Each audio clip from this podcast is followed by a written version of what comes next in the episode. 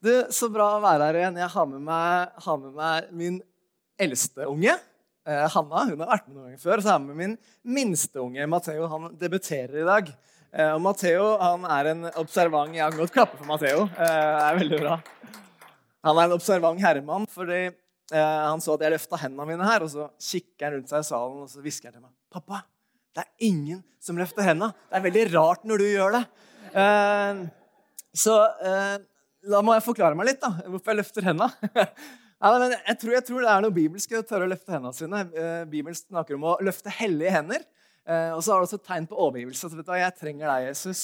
Så det er bra å løfte hendene en gang i ny og ne. Så jeg har til og med også lært at det er noe bra for eh, sirkulasjonen i blodet faktisk sånn fysisk å løfte hendene. Så det kan være tips til deg som ikke vil løfte hendene til Jesus. Så kan du løfte det for blodomløpet. i hvert fall. Så den fikk det gratis, da. Det har jeg hørt. Kona mi hun er på jobb på sykehjemmet. Eh, sykehuset, mener jeg. Hun er sykepleier, så sånn er det at noen må holde fast på der òg. Og så har jeg en mellomste sønn, og han, eh, han, er med noen kompiser, så da, da ble det oss tre. En glede å være her igjen. Det er alltid, alltid veldig fint å komme hit. Jeg er, føler meg som hjemme. Er det lov å si det? Ja, Det heter jo sånn Elvebyen familiekirke. så vi liksom, We're all the same family. Men jeg føler meg som hjemme, og veldig godt å være her. Så takk igjen for tilliten og muligheten. Det, uh, Bibelen er uh, er fascinerende. En, en, gammel bok, egentlig. Men jeg tror virkelig at er det noe denne verden trenger, så er det å ta til seg hva dette ordet her sier til oss mennesker i 2019 til og med. Så Derfor så er det både litt med ærefrykt, men også med ydmykhet og glede at jeg preker ut fra ordet. For det er det vi gjør. da. Vi ønsker å være menigheter som preker ut fra den bibelen her, hva denne boka her sier.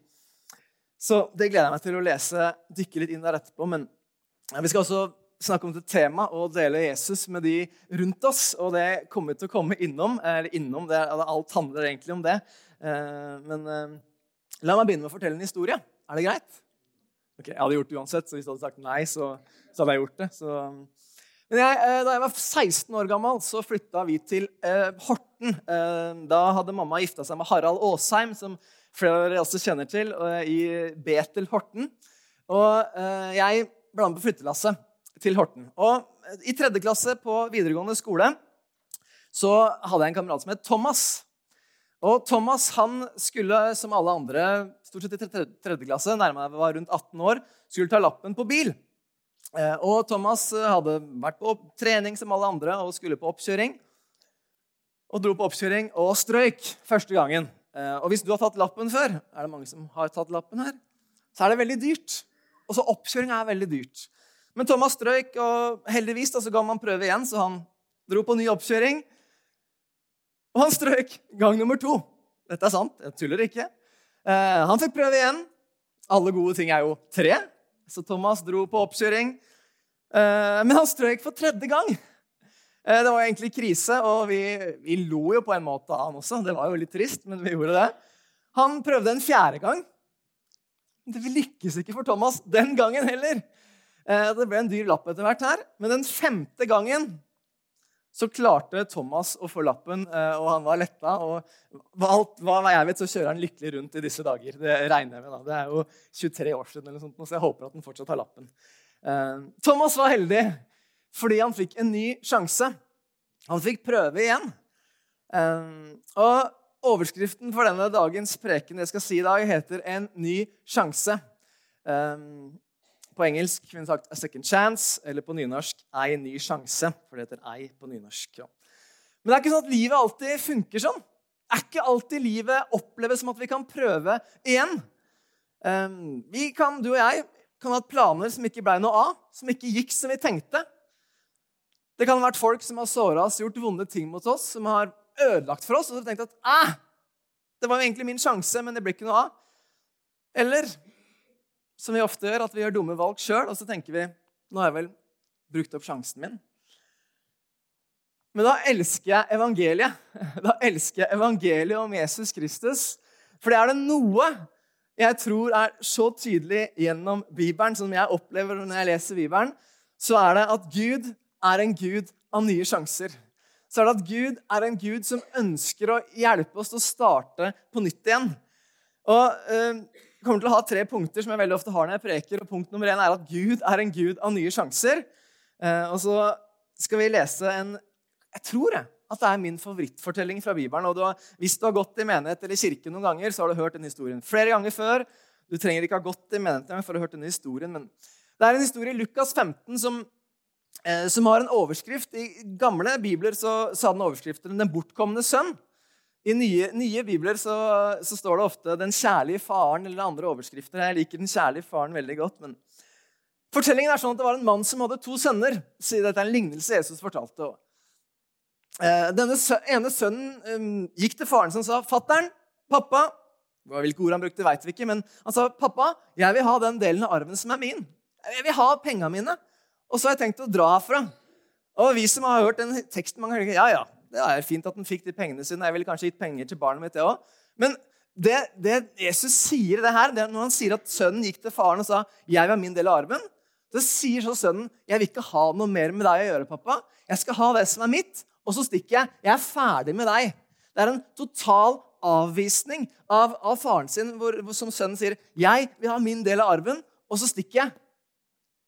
Det faren gjør, han gir gutten penga han, han, har krav på. for Han måtte ikke fått det, faren var ikke død. Men sønnen sier at 'for meg er det død, pappa. Jeg vil ha pengene mine'. Så reiser sønnen av gårde. Og så forteller historien, jeg tar med hele fortellingen, for jeg tenker det er viktig for konteksten. når jeg skal si at Sønnen reiser av gårde, og i starten av fortellingen så har han det helt topp. Han Han nyter livets glade dager, og det, det, skjer masse greier. Han får masse venner, for han har jo masse rør om seg med penger. og Det er helt topp. Uh, det er ganske drøye ting som denne gutten gjør. og Det står at han, han gjør alle mulige greier, men så kommer det en hungersnød i landet. Uh, og pengene er slutt. Vennene ser ut til å være borte. De bryr seg ikke lenger. Og gutten han får seg til slutt en jobb, og han til jobb hos en grisebonde. Å, ja, ja, Det er vel ikke så ille, kan vi tenke. Men da Jesus drar fram det verste eksempelet han kan tenke seg. For hvis du er en jøde, så skal du som du og jeg vet, skal du ikke ha noe samkved med svin. Du skal ikke ha noe med griser å gjøre. Men det står at sønnen er så sulten så han kryper ned og så begynner han å spise grisematen. Og Det er innmari viktig for konteksten. Du, Jeg skjønner at denne gutten har synket så lavt som det går an. Det er ikke en sånn fin historie som Jesus sier ja, ja, han var langt borte og han måtte jo ha mat, så han spiste litt grisemat. Men Jesus understreker han spiste svinemat. Han menga seg med det verste som går an. Og Det er viktig for historien at vi skjønner hvor ille det er det gutten driver med i et jødisk kontekst. Så sitter sønnen, gutten der og tenker Tjenerne til pappaen min de har det mye bedre. Han kommer fra en rik familie. Tjenerne de har jo alt de trenger. Her sitter jeg og spiser mat. Og så tenker jeg at kanskje jeg kan bare dra tilbake og få lov til å være tjeneren til pappa igjen. Jeg skjønner at han ikke vil ha meg noe med å gjøre etter hva jeg gjorde, men kanskje jeg kan få være tjeneren hans.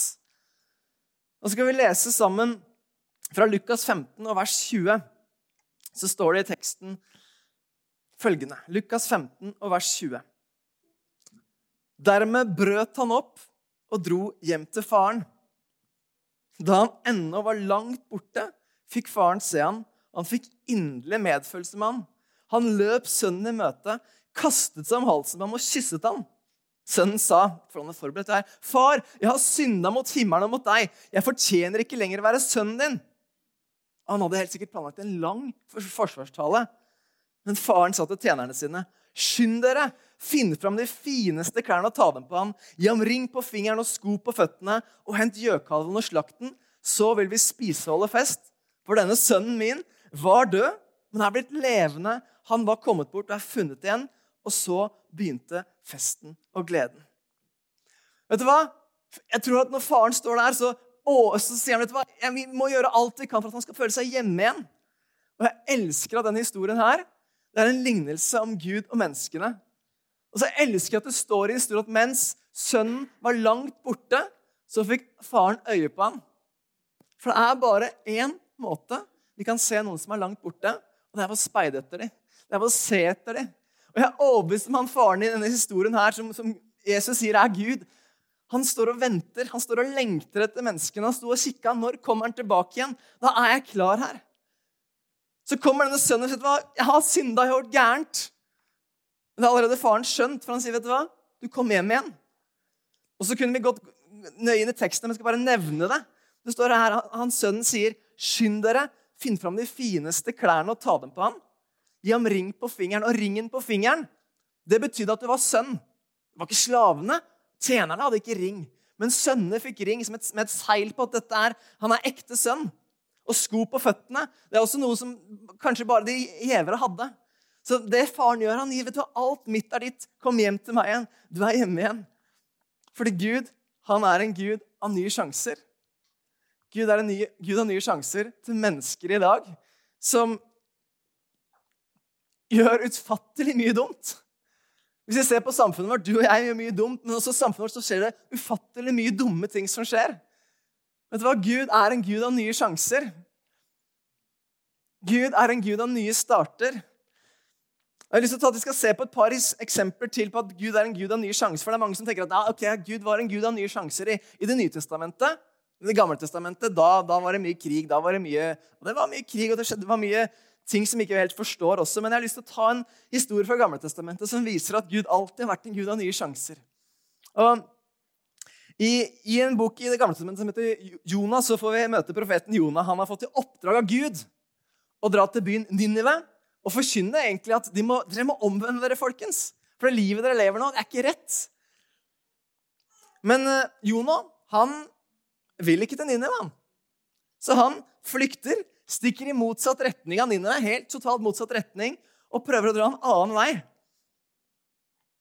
Men det viser seg at det er ikke så lett da, å flykte fra Gud. Så, så Jonah han tar en omvei ned ut på båten og havner i en hval og eh, inn i hvalens mage i tre døgn, men ender opp i Ninive. Og forkynner at vet du hva, dere må omvende dere til Gud. Og det som skjer, er at folket de omvender seg. De kler seg i sekk og aske og gjør det de kan. for Vi skjønner at det, vi, det livet vi har levd, det er ikke rett. De omvender seg, og Gud gir folket en ny sjanse. Men at Vi skal lese et par vers for å skjønne hva er det Ninive. Hvorfor er det Jonah egentlig reiser? Hvorfor vil ikke Jonah dra til Ninive, egentlig? Hvorfor vil han ikke dra dit og forkynne et, et, godt ord fra Gud, egentlig? Men i Jonah 4, vers 1 og vers 2, så står det følgende. For det som skjer da når folket omvender seg, og Gud gir dem en ny sjanse, så står det i Jonah 4. Men dette mislikte Jonah sterkt og ble sint. Han ba til Herren. Herre, var det ikke det jeg sa da jeg var i mitt eget land? Derfor ville jeg skynde meg og flykte til Tarsis. For jeg vet at du er nådig og barmhjertig Gud. Du er sent til vrede og rik på miskunn, så du angrer ulykken. Vet du hva?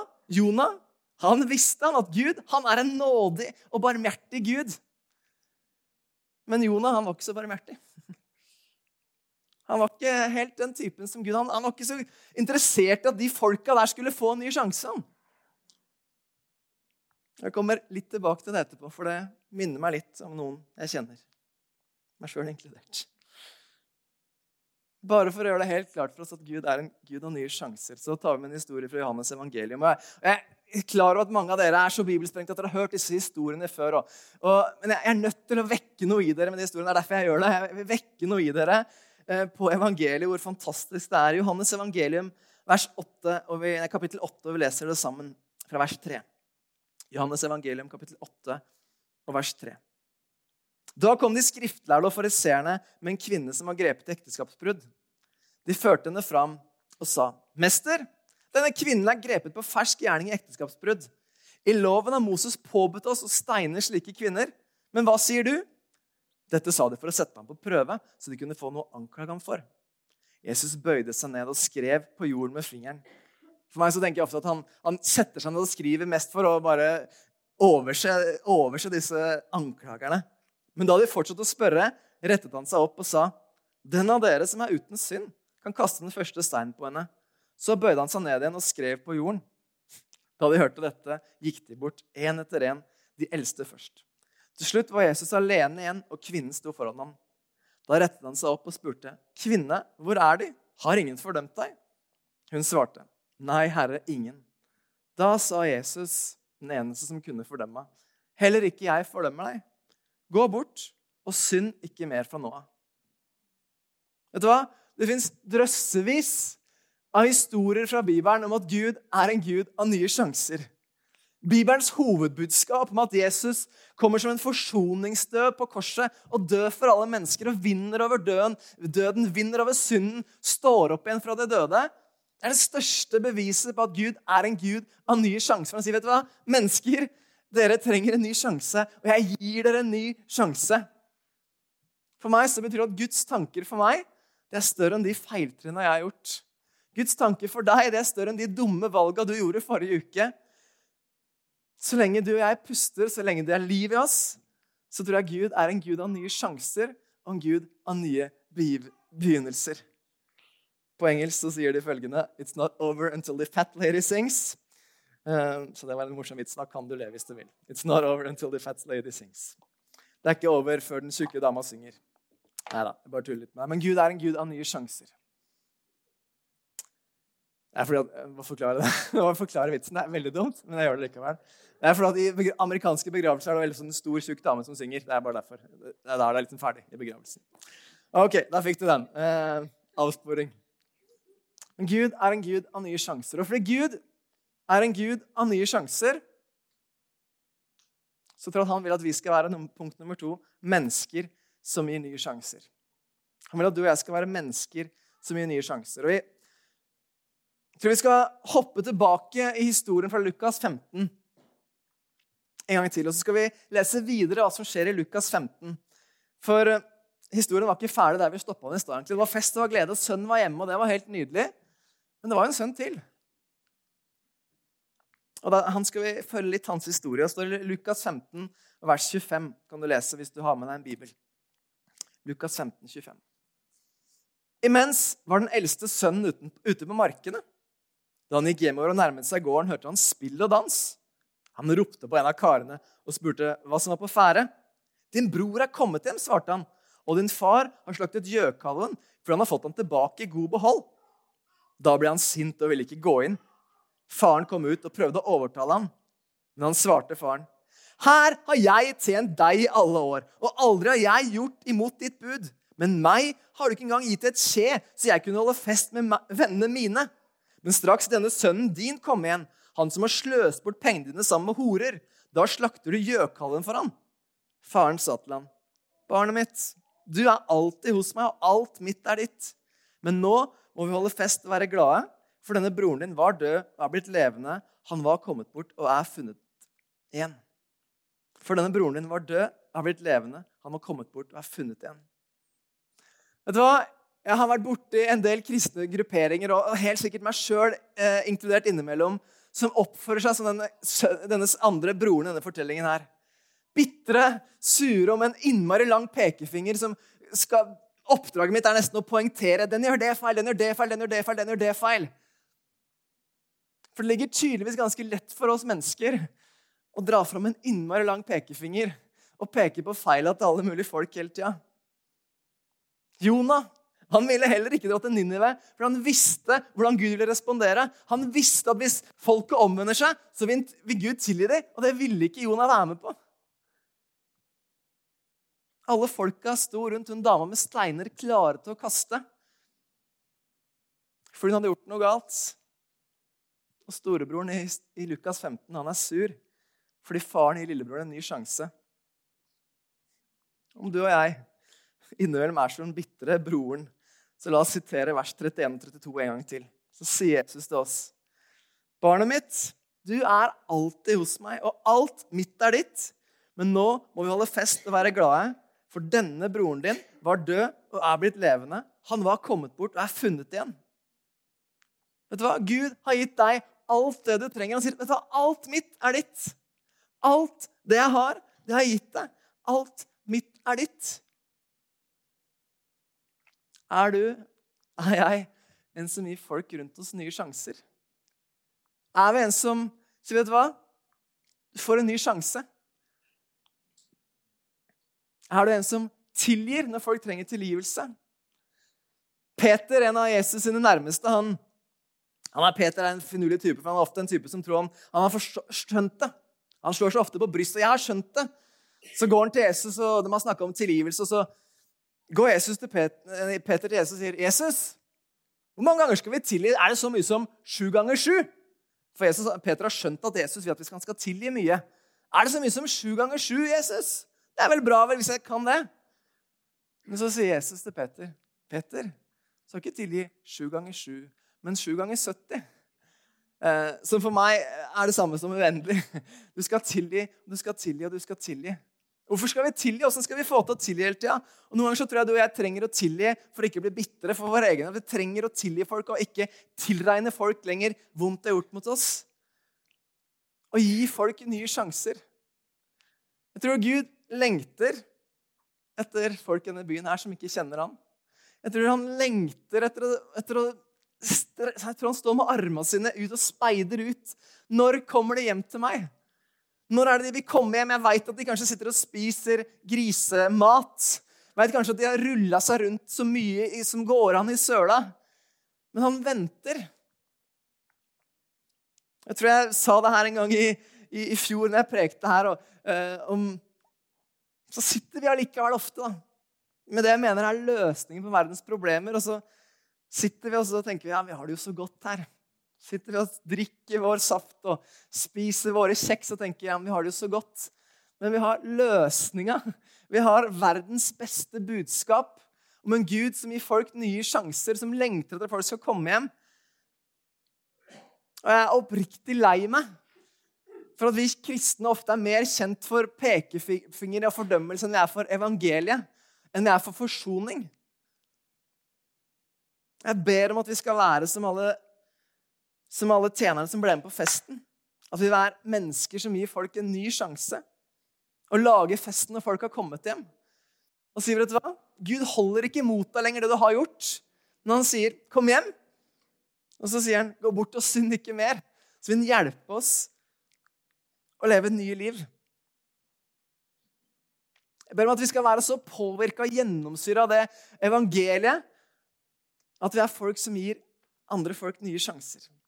Oskar Wilde han, han, sa det veldig bra synes jeg, på engelsk. Han sa «Every saint has a past, and every sinner has a future». Enhver helgen har en fortid, alle syndere har en fremtid. La oss sørge for å være mer opptatt av hvor folk skal hen, enn hvor folk kom fra. La oss sørge for i menighetene våre at når folk kommer inn dørene, så er vi ikke så innmari opptatt av bagasjen deres, men mer opptatt av hvor har du har tenkt deg foran hen? Hvor er du skal med livet ditt hen? Og Punkt nummer tre er følgende Hva gjør du med din nye sjanse? Punkt nummer én er at Gud er en gud av nye sjanser. Punkt nummer to er at derfor skal vi være mennesker som gir nye sjanser. Og punkt nummer tre er hva gjør du med din nye sjanse? Når jeg har fått en ny sjanse, går jeg da og gjør den samme feilen en gang til? Det kan godt være at jeg gjør det, altså. Men jeg gjør det i hvert fall ikke med vilje. Jeg er ikke på å gjøre den samme feilen en gang til. Jeg veit at når jeg har fått en ny sjanse, så vil jeg bruke den sjansen på best mulig måte. Og Gud han gir oss ikke nye sjanser at vi bare skal rulles rundt i søla på nytt. Det er ikke det Han gjør. Han sier ikke, Evangeliet er ikke det. Evangeliet er ikke en tillatelse til å gjøre hva du vil med livet ditt. Absolutt ikke. Men evangeliet er, en til, er, er vet du hva? Kom til meg. Legg byrdene hos meg. Start på nytt. Og så vil jeg hjelpe deg å leve et nytt liv. Så vil jeg hjelpe deg å gjøre noe nytt med livet ditt. Han vil hjelpe oss å lære av feilene våre. Derfor så sier Jesus til dama i Johannes 8, som var tatt på fersk gjerning i hor, så sier Jesus vet du hva, jeg fordømmer deg ikke. Jeg kunne fordømt deg, fordi Jesus var, han var den eneste som kunne gjort det. Han sier, 'Jeg fordømmer deg ikke.' Han sier, 'Nå får du en ny sjanse, men gå bort og så prøv på nytt.' Gå bort og synd ikke mer. Hva som skjedde med dama, det, det, det, sier ikke Bibelen noe om. Det står ikke hva som skjedde med henne videre. så det vet vi ikke helt nøyaktig. Det kan, det kan spørs litt hvem det er, men det vet vi ikke helt. Eh, men i alle fall gå bort og synd ikke mer. Jesus vil hjelpe oss å leve nye liv. Han vil hjelpe oss å, å leve annerledes liv. Vi, på kjøreskolen så, så, er det en viktig ting du lærer. Jeg tror jeg har brukt dette bildet før, men jeg synes det er et utrolig bra bilde. At du skal kikke et bakspeil i bilen. Du gjør fortsatt det. Du har i hvert fall fått beskjed om å gjøre det i bilen. ikke sant? Ja, jeg håper du gjør det, for Da kan du følge med hva som skjer bak i, i bilen. Ehm, men de sier veldig at du skal kikke opp, og så skal du se på frontruta. ikke sant? Du skal kikke opp på speilet, bakspeilet, og så skal du se på frontruta igjen. Vet du hva jeg har merka i livet? At det er en del mennesker som lever livet sitt med å se i bakspeilet. De har fått en helt svær frontrute egentlig med hva som skal skje forover. Men så lever de livet sitt som om de ser et bakspeil. Så ser de hele tida på hva jeg gjorde før, hvilke dumme valg jeg gjorde før, og så lever man livet sitt som at man skal se et bakspeil. Og hvis du prøver deg på det etterpå i trafikken, så tar det ikke lange tida før du krasjer. Hvis du skal kjøre ut i trafikken her etterpå og prøve å se i bakspeilet hele tida, så kommer du til å krasje i løpet av noen sekunder. For det nytter ikke. Bakspeilet i livet kan du kanskje minne deg på. Når du kjører bil, så skal du kikke litt i det bakspeilet for å sjekke at det ikke er noe trafikkuhell bak deg. For da kan det hende at Hvis du har svinger veldig mye og gjør mye gærent i trafikken, så ødelegger du trafikken. Da kanskje du må justere deg. Så kanskje du skal bruke bakspeil livet innimellom til å se ok, hvordan er det jeg har levd livet mitt. Har jeg såra noen folk bak meg? Trenger jeg å gjøre noen justeringer? Men vi skal minne oss sjøl på at vet du hva? det som ligger bak, det ligger bak. Et av mine favorittvers i Bibelen står i Filipperne 3, og det er Paulus som har skrevet det meste av Det nye testamentet. Han skriver i Filipperne 3, vers 14. Kanskje et av mine favorittvers. Når, hvis Lukas 15 er min favorittligning, så er uh, Filipperne 3, 14 kanskje mitt favorittvers. Så står det følgende.: Men én ting gjør jeg. Jeg glemmer det som ligger bak, og strekker meg etter det som er foran og jage mot målet, mot den seiersprisen som Gud fra det høye har kalt oss til i Kristus Jesus. Jeg glemmer det som ligger bak, og strekker meg etter det som er foran. Det er det Jesus sier til oss. at Du kan glemme det som ligger bak. Jeg har gitt deg en ny sjanse, men du kan ikke fokusere på det som ligger bak lenger.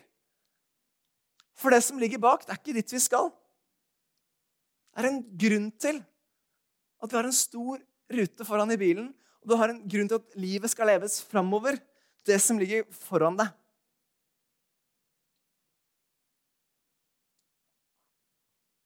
Vet du hva? Jeg tror også du skal se, bruke bakspeilet. Det er noen som bruker bakspeilet og så tenker at det var så fint før i tida. Skulle ønske det var sånn som det var før. Jeg kan ta meg det sjøl noen gang og tenke åh, da var det fint. da. Skulle ønske det var sånn, jeg. Vet du hva? Gud har noe nytt. han. Gud har noe nytt foran deg. Så vet du hva? Menighet som kirke, som, som, som menigheter, som Guds menighet på jord, så tror jeg virkelig at det beste er foran oss. Så tror jeg at Gud har noe bra foran oss. Det har vært mye bra bak, men vi kan ikke dvele ved det som har vært. Vi må tenke hva har du foran oss, Gud? Jeg har tenkt å glemme det som ligger bak, og jeg skal feire det som jeg har med meg bak. Jeg skal være glad for de gode tingene som har vært bak meg. Men jeg kan ikke leve i, i, i fortida. Jeg må leve i det som Gud har for meg her og nå. Jeg må leve i det som Gud har for meg foran meg. Så hva er det du drømmer om? Jeg håper ikke du drømmer deg til fortida di. Jeg håper du drømmer deg til framtida di. Derfor tror jeg alltid at det beste ligger foran. For oss som tror på Jesus, så ligger alltid det beste foran. For en dag så skal vi stå ansikt til ansikt med Jesus Kristus i himmelen. Derfor så kan vi alltid si at det beste ligger foran. Men også for dere som forsamling. Skal man tenke at ja, det var så fint for 30 år siden, det var så fint for 40 år siden. Skal vi tenke at vet du hva? Gud har satt oss her nå, fordi Gud har noe for oss nå. Vi har en funksjon nå, i den tida som Gud har satt oss nå. Han satt oss her for at vi skal hjelpe folk å få se hans kjærlighet, hans godhet, hans omsorg. Og vi skal være noen som gir folk nye sjanser, så de får se hvem han er, så de får oppleve hvem han er. Kjære menighet, kjære forsamling, kjære venner. Kan vi ikke sørge for at vi er kristne som ikke tenker at Gud gjorde en gang, var kjempebra, men, men tenker at vet du hva? Gud han skal gjøre noe nytt. han. Se, jeg gjør noe nytt. Merker dere det ikke? Merker dere det ikke, står det innimellom. I Skriften står det 'merker dere det ikke'. Er det at vi har glemt, har vi lukka øya våre? Har vi tenkt at det bare drømt oss bakover istedenfor å tenke 'Gud, hva har du for oss nå?' Hva skal du gjøre i denne byen her nå? Vet du hva? Ja, det er mange folk som ruller seg i søla i denne verden her. Det er mange som lever langt utafor hva vi tenker er moralsk, etisk riktig. Det er det. Men er det sånn at vi skal stå og rope 'dere er så dumme', eller skal vi si vet du hva? Gud lengter etter deg. Jesus lengter etter dere. For det var når Jesus kunne si til dama som var tatt på fersk gjerning i ekteskapsbrudd i hor 'Jeg fordømmer deg ikke.' Han kunne gjort det. La oss ikke være de som er de som fordømmer. Men også er det er det som sier, vet du hva? Gud, han elsker deg. Han vil deg det beste. Han sier 'velkommen hjem'. Velkommen hjem til han, så vil han hjelpe deg å leve et nytt liv. Så han vil hjelpe deg å leve et liv uten, uten denne børen. Han vil ta byrdene dine. Så vil han hjelpe deg hjem. Kan vi ikke, fordi Gud er en Gud av nye sjanser, så kan ikke vi være mennesker som gir andre mennesker nye sjanser? Da kan vi ikke også være mennesker som tar vare på den nye sjansen som vi har fått, som han har gitt oss? Og så hjelpe mennesker til å forvalte de sjansene vi har fått. Til å peke folk i retning av hvem han er. Til hans kjærlighet, til hans nåde. Og vet du hva jeg vet meg selv, Jeg trenger hans nåde. Jeg trenger hans hjelp til å gjøre det. Jeg trenger hans hjelp til å være en som elsker mennesker betingelsesløst. Som ser på mennesker og sier vet du hva? Gud har en ny sjanse for deg. Gud har en ny mulighet for deg. Og det drømmer jeg om. Jeg tror vi må slutte å drømme til fortida. Vi må drømme til framtida. Så må vi tørre å Se vet du hva, når Jesus sier til oss Merker dere ikke jeg gjør noe nytt? Jeg har tenkt å gjøre noe nytt i forsamlingen deres. Merker dere det ikke? Så vi må lytte inn til hans hjerte og si, vet du hva, Gud, hva lengter du etter? Hva lengter du etter for livet mitt? Hva lengter du etter for meg? Da vet vi, at vi kan ikke reise oss på føttene våre og så vet vi skal be sammen. Vi skal be sammen for vennene våre som ennå ikke tror.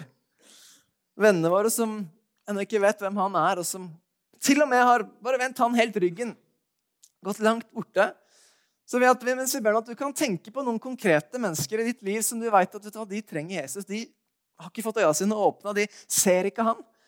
Så kan vi ikke be sammen som forsamling for de vennene våre, de som vi har i livet vårt som ikke tror på Jesus, at de skal få se hvem han er, og at han kan bruke oss til å vise dem at de kan få en ny sjanse.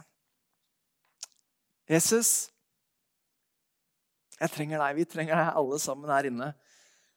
Vi trenger deg så innmari, Jesus, midt i denne verden som, hvor det skjer så utrolig mye rare ting. Jesus. Men takk at du er en Gud som, som, elsker denne verden, som sendte Jesus til jorda, ikke for å dømme verden, at verden skulle få fred med deg.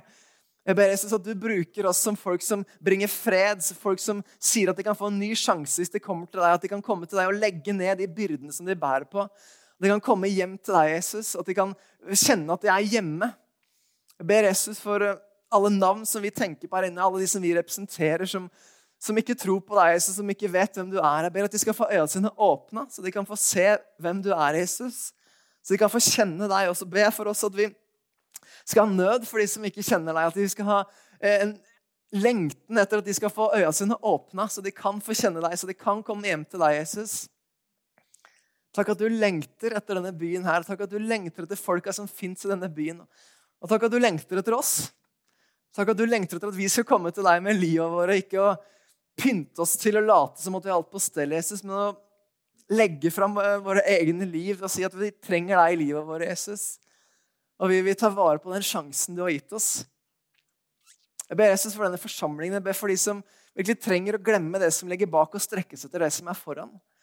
Jeg ber Jesus at du i, din, i atmosfære, din, atmosfære nå, at du skal gjøre noe nytt innen noen hjerter, Jesus. At du skal ta tak i hjertene våre, sånn at vi kan kjenne at vi kan slippe det som ligger bak. At vi kan se deg i øya når du sier at 'jeg fordømmer deg ikke'.